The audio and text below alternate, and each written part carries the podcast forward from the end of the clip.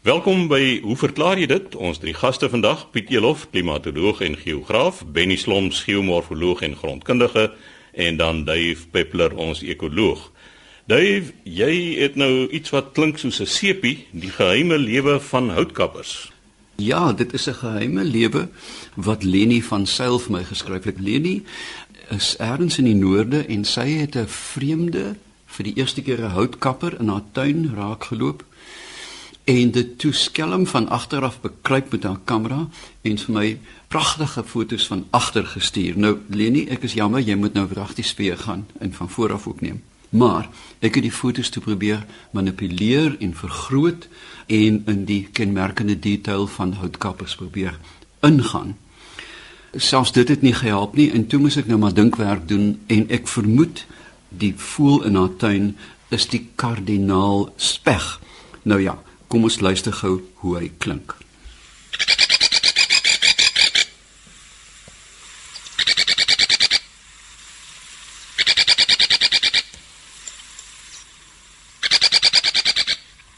Dit is interessant dat reg oor die wêreld klink houtkappers baie dieselfde. Hulle het hierdie vreeslike soort van meganiese, byna so opwen speelding geluidjie wat hulle maak.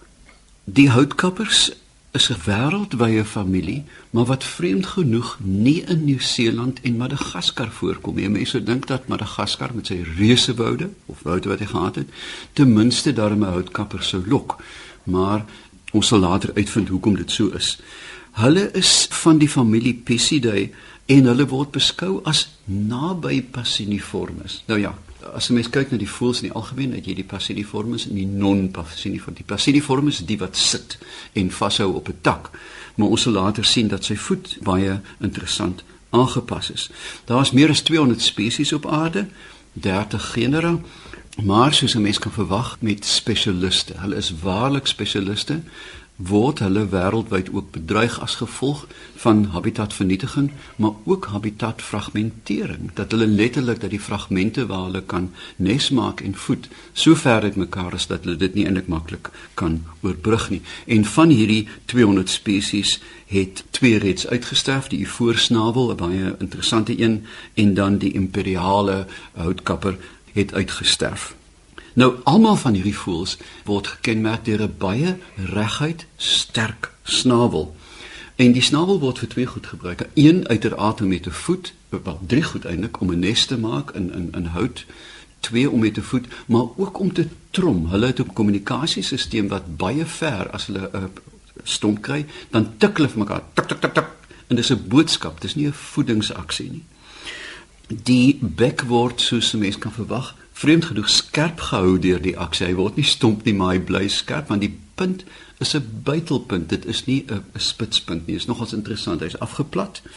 En dan by hierdie vreemde bek is daar natuurlik 'n hoog aangepaste borseltong wat ook 'n gryptong is. Met ander woorde, Hemel mens kan jou verbeelding op hol laat, maar dit is 'n lang tong wat er uiteraard met stekeltjies wat terugvoer dat hy prim in die gat en daar soek vir 'n gogga, maar as jy hom kry kan die puntjie ook draai en hom hak en dan terugtrek.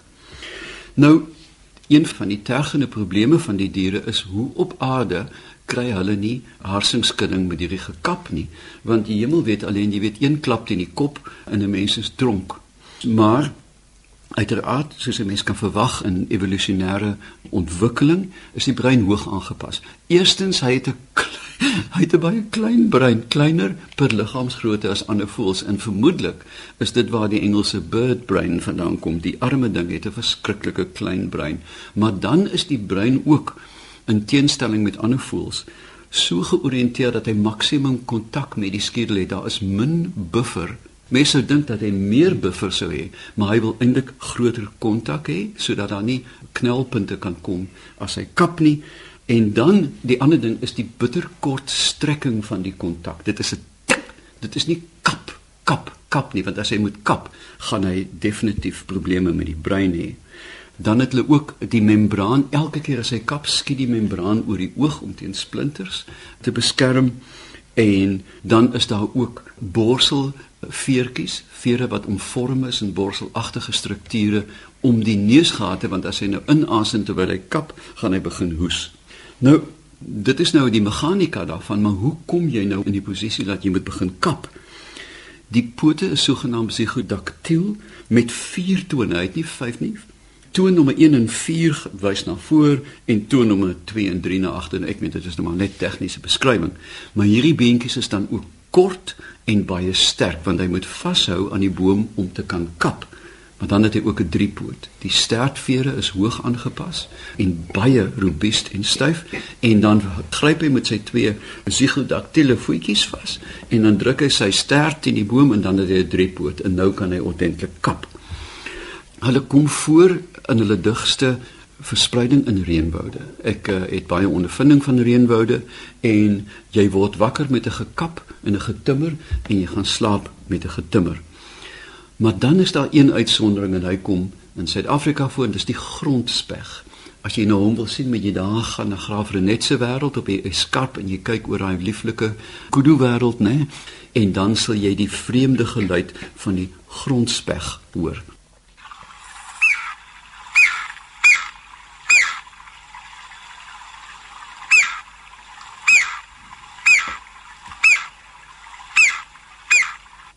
Terloops Chris, daar was navraag van een van ons luisteraars. Hy sê hy's 'n bejaarde persoon met een of ander belemmering en hy geniet die voelgeluide so en waar kry ek dit? Die voorvereiste vir hierdie geluide om dit op te wek of te genereer is 'n slimfoon want dit is 'n toepassing wat jy kan aflaai. Met ander woorde, vra vir iemand, kry vir jou slimfoon hoef nie duur te wees nie, dat jy kan 'n redelike goedkoop model kry en dan is daar 'n hele aantal van hierdie voelboeke. Ek het byvoorbeeld die Sassel, die bekende Sassel ene, dan het ek ook Newmans en jy kan selfs kyk na die voels van die Creowilte en daar's heelwat van hierdie toepassings. Daar's ook Roberts as jy die volledige teks wil hê. Maar ek dink 'n eenvoudige toepassing so Sassel is oorgoed genoeg want eintlik is dit net om ek gebruik dit hoofsaaklik om die geluide uit te ken. Die apparaat kan nie 'n geluid opneem en dan vir jou sê wat dit is nie, maar ek dink mense kan dit regtig baie gou verfyn. Dan net uh, verder die dieet van hierdie voëls is uiteraard insekte en papies van insekte. Hulle hou bome gesond. Daar is gevalle waar in Europa waar in die orde van 85% van 'n siekteplaag van larwes uit die bome gehaal word deur die houtkappers. Interessant genoeg ook in Swede het die houtkappers se oriëntering, hulle pik net aan die suidekant. Ek wil nog uitvind hoekom. Maar hulle sal ook goggas, hulle sal selfs mure, termiete, spinnekoppe en rispes ook eet. En die broeigewoontes is uiteraard dat hulle in gate die grond speg maar hoofsaaklik in bome gate maak 2 tot 5 eiers. Nou interessant genoeg, meeste eiers van voëls is of gekleur of is gespikkel. Nou dit het baie te doen met twee goed. Een dat die wyfie dan haar eie eier kan as hy ken die kolletjies op haar eie eier. As iemand 'n parasiet dan 'n eier lê, kan sy dit uithaal. Of as sy van die nes af is, kamoufleer dit in die skaduwee van die nes. Houtkappers wat in bome bly, het spierwit eiers want hulle het nie nodig om dit weg te steek nie en in die donkerte kan die wyfie dan makliker die eiers uitken as sy wil gaan broei. Laastens net 'n klein staaltjie, ek was in die suide, dit was 42 grade suid in Chile in 'n reënwoud. Mens kan nie glo dat reënwoude so ver suid kan voorkom nie. Dit is verstommend.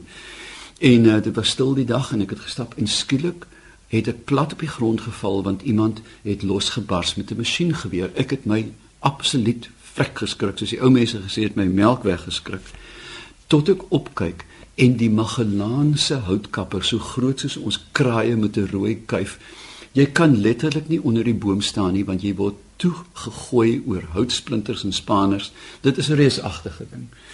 So Leni ek vermoed dat jy die kardinaal houtkapper het en as ek so na die foto kyk is hy nie besig om kos te soek nie Hy's besig om nes te maak. So beskerm hom teen jou katte, hou jou ketty reg vir Jasper die kat en ek dink dit is 'n wonderlike voorreg om so 'n interessante voel voor 'n venster te kan hê. Indien jy kans het, stuur vir my 'n foto van die voel se bors en dan kan ons die uitkenning bevestig. Dave, dankie jy het uh, twee goed vir my aangeraak vanoggend wat uh, vir my baie interessant is. Ek het al dikwels gewonder oor die anatomie van so 'n houtkapper of hy 'n hartsingskudding opdoen nie. Nou in die tyd van die Wêreldbeker dink ek sou hy vir 'n hele tydjie van die veld af gewees het indien dit so was. Maar baie dankie vir daai verduideliking. Die ander interessante ding wat jy genoem het van die parasiete wat hulle eers lê in ander voëls se neste.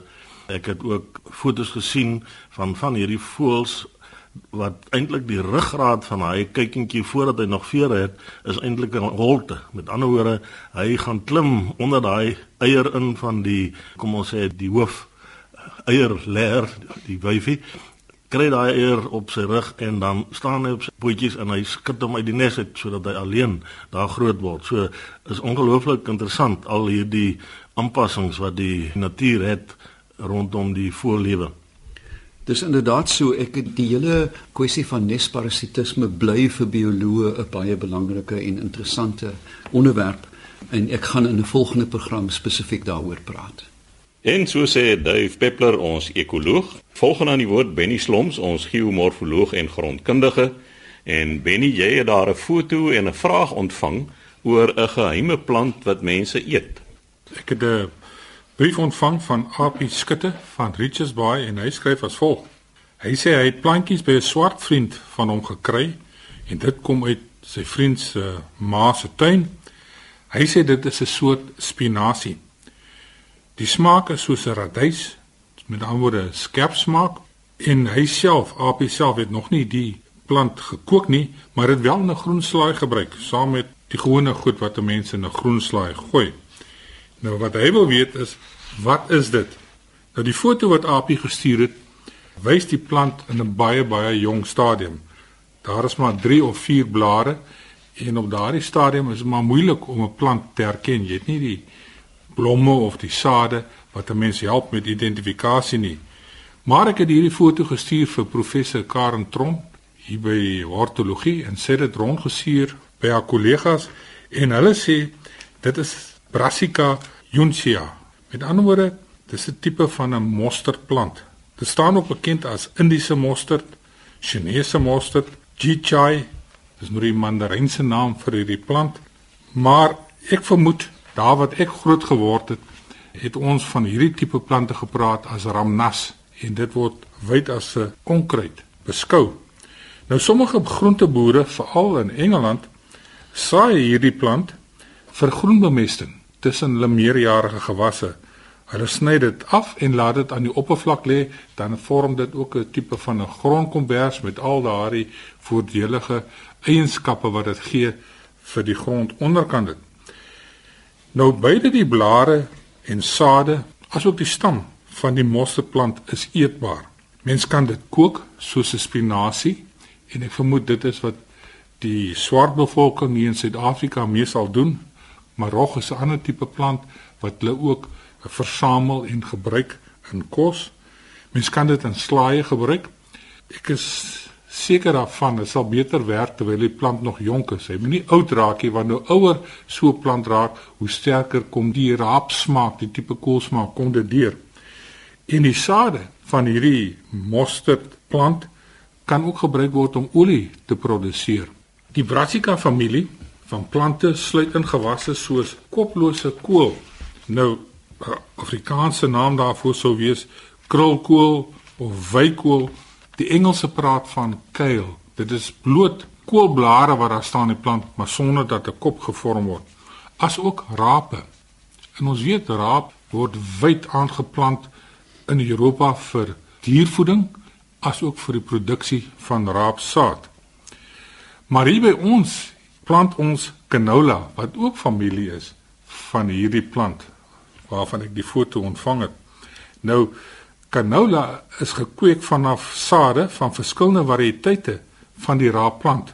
Dit is gedoen by die Universiteit van Manitoba in Kanada in die vroeë 1970s. En Keith Downey en Baldur Stephenson was die twee navorsers wat eintlik canola gekweek het met alreeds 'n veredeling van twee variëteite van hierdie uh, brassica.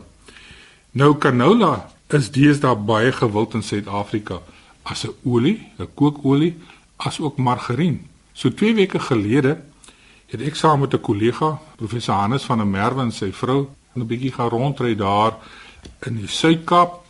Dis pragtig vir jaar na die goeie reëns en tussen die grane kry jy hierdie absolute helder geel blommepragt van die canola lande. Ek het gaan stilhou om vir die vrouens te wys hoe lyk die saad van canola. Nou wat gebeur is dat die plant blom na bo. Met ander woorde oor 'n baie lang tydperk blom hy en dit is hoekom die canola lande ook vir so lank geel bly. En dan vorm die pele radiaal om die stam aan die bokant. Die oudste pele is onder en soos hy hoër opgaan, dan kry jy die jonger pele heel bo is daar nog blomme wat aan die blom is. En vir interessante salwe laat ek hulle toe proe aan die jonger pele. En dit smaak presies soos hierdie jong ertjies wat mense in die winkel gaan koop wat mense ook in die slaaie gooi. So ek sal canola sade, jong canola sade, ek definitief in 'n slaai geniet. 40% van daai sade produseer vir jou olie, met ander vir elke kilogram canola saad gee vir jou 400 gram olie. En dit is 'n redelik uh, ekonomies haalbare plant om te gebruik as wisselbou in die Swartland asook in die Suid-Kaap. Ek hoop ek het jou vraag beantwoord, Papie. Jou plant is nie canola nie. Dit is 'n familie van die canola.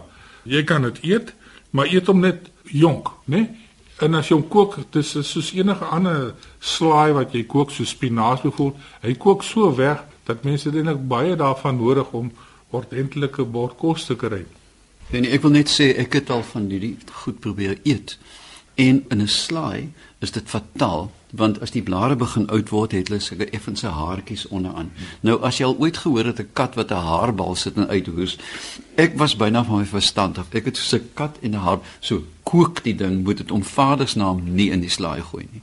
Behalwe natuurlik as hy nog baie jonk is.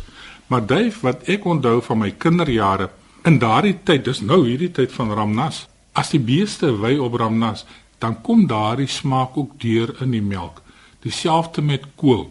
So ek onthou my ouers was baie gestel daarop dat die beeste nie op die ramnas moet wy nie, want ek wil sê die melk is ondrinkbaar nie, maar vandag se huisvrou sal definitief nie daardie melk koop met hierdie baie sterk ramnas geur wat daar in die melk is nie. Benie, ek wil net daar byvoeg natuurlik dieselfde met eie ook die smaak van melk, maar jy het nou verwys na die canola saad wat jy met graagte in slaai sal gooi. Dave, jy het jou eendag positief uitgespreek oor die gebruik van dagga. Ek weet van mense wat selfs daggapitte in 'n potjie gegooi het. Dit verbaas my glad nie. Ek dink as jy Sondagmiddag ontspan en jy gaan nie later ergens heen ry nie, so 'n handvol kan net uh, vrolikheid veroorsaak. Chris net interessant in terme van die geure wat 'n mens kry by die melk en in die tipe van dinge. Ek het nou al gesien hier in in Caledon omgewing dat die manne 'n bietjie eie uitgooi daar wat die skape eet. Met ander woorde, as jy daai lamsvleis wil gaar maak, het jy nie nodig om eie verder by te sit. Die geure is klaar inherent. Nou ja, dit was dan Benny Sloms wat hierdie geheime plant vir ons geïdentifiseer het. Laaste aan die woord Piet Elof. Nou Piet, iemand het 'n vreemde wolk naby Kleinmond gewaar en dan het jy ook 'n vraag ontvang oor 'n bloedmaan. Ja, Chris, baie dankie. Ek het hier twee briewe net waarna ek wil verwys. Ek wil met die eerste een begin van Corneille Lotter en uh, hy of sy skryf toevallig is heel program aan terwyl ek staan en kos maak. Nietemin Die vraag wat Corneille hier deurgegee het vir my is dat toe hulle op pad Hermanus toe was tussen Betty's Bay en Kleinmond, donderdag 25 September, het hulle 'n aardige wolkie daar sien hang. Wat baie enaardig aanvanklik was is dat dit koel rond en dig was. Buite aan die onderkant het 'n paar dun vlieswolkies later verskyn. Nou toe het hulle probeer vasstel of hierdie vlieswolkies gaan aansluit by hierdie sogenaamde digte wolkie. Dit het inderdaad nie gebeur nie en hulle is toe nou om die berg op pad Hermanus toe so hulle kon nie verder sien wat daar aangaan nie. Nou kon hy ek ongelukkig nie 'n foto daarvan nie, maar as ek dink aan die topografie van die omgewing waar hulle gereis het, is dit moontlik dat die lugbeweging van die see se kant af, onthou daar's heel wat verdamping na die berg was en dat in daardie kom ons sê 'n vallei of 'n kom daardie vogtige lug in opgedryf is deur die wind en uh, dan nou afgekoel het, gekondenseer het in hierdie wolkie gevorm het. Dit is natuurlik ook so dat daai wolkies nie permanent daar gaan wees nie en hulle sal verander oor tyd. Maar ongelukkig omdat ek nie 'n foto daarvan by my het nie of gekry het nie, kan ek nou nie verder vir jou daar sê maar ek vermoed dat dit te doen het met die vogtigheid in die lug en die topografie van daardie spesifieke omgewing. Dan is hier 'n tweede brief wat ek ontvang het van uh, Paul de Wet. Uh, hy sê hy het 'n baie interessante gebaarwording onlangs om 4:47 die oggend, sogenaamde bloedmaan wat hy bekyk het. Hy sê dat dit die vorige dag gereën en toe die aand oopgetrek met gevolg dat die hemelruim skitterend helder en duidelik was. Nou Paul dit is gewoon so dat wanneer dit reën dan reën baie van die sal ek sê die stofdeeltjies in die atmosfeer, die reën uit en die lug is dan gewoonlik baie helder. So dit is jy is gelukkig, daar is ander mense wat ongelukkig nie hierdie sogenaamde bloedmaan kon waarneem as gevolg van wolke, veral mense langs die kus. Die binneland sou dit nou baie amper sê ek skoner gewees het, die lug skoner, duideliker as gevolg van 'n gebrek aan wolke daar. Nou, sê in my ganse lewe sien ek die volmaan met my blote oog in twee dimensies. Met ander woorde, dit kom vir my voor soos 'n plat, helder skyf. Ons kan dit ook in Engels noem 'n disk, maar die uitsonderlike, pragtige en nou skryf jy roseimaan het sonder enige twyfel bolvormig en driedimensioneel vertoon. Nou uh Paul so met my tong in my kies. Ek, hoop nie teen daai tyd van die oggend dat jy te veel rosei gebruik het nie, maar ek ek verstaan presies wat jy bedoel uh, met hierdie rooierige kleur. Nou ek het ook nagegaan, 'n bietjie gelees en hulle verwys daarna dikwels as 'n bruin oranje kleur. Toevallig het ek self die oggend 3 uur opgestaan en die maan beskou. Op daardie stadium was die skaduwee van die aarde nog nie oor die maan nie, maar dit was baie duidelik 'n groot en helder volmaan. So elke kwartier het ek weer uitgegaan en uiteindelik het 'n klompie foto's geneem en dit was inderdaad indrukwekkend om te sien hoe die aarde se skaduwee geleidelik oor die maan skuif. Ek moet vir jou eerlikwaar sê ek het dit nie ervaar as 'n driedimensionele prentjie wat ek daarna gekyk het nie, maar dit is dink ek iets wat uh, ek nie waarskynlik weer in my lewe sal sien nie. So die bloedmaan, dit is wat hulle in Engels ook noem blood moon. Ek dink Chris, jy en Benny en ek het waarskynlik oor baie jare gelede die belewenis gehad van 'n kussingsloop oor die kop en vloere wat kraak en dan besef jy maar hier is nog iemand in die in die kamer saam met jou en dan is daar so 'n fyn stemmetjie gewees wat gesê het daar is bloed op die maan vanaand. Nou dit kan deesdae nie meer gebeur nie. Ons het niks daarvan oorgekom nie, maar uh, ek noem dit net vir jou dat dit nie 'n nuwe verskynsel is nie, dat dit al baie jare uh, voorkom, maar dis ongelukkig is dit nie iets wat voorspel kan word nie. Dit is maar 'n verskynsel wat toevallig voorkom. Piet, ek wonder nou of die maan nie vir jou ook driedimensioneel sou gelyk het as jy nou 'n glasie roséwyn gehad het nou die oggend nie. Maar daar het die tyd ons ongelukkig ingehaal. Ons sê dankie aan ons drie spanlede. Skryf gerus aan ons by hoe verklaar jy dit? Posbus 2551 Kaapstad 8000 of stuur 'n e-pos aan chris@rsg.co.za.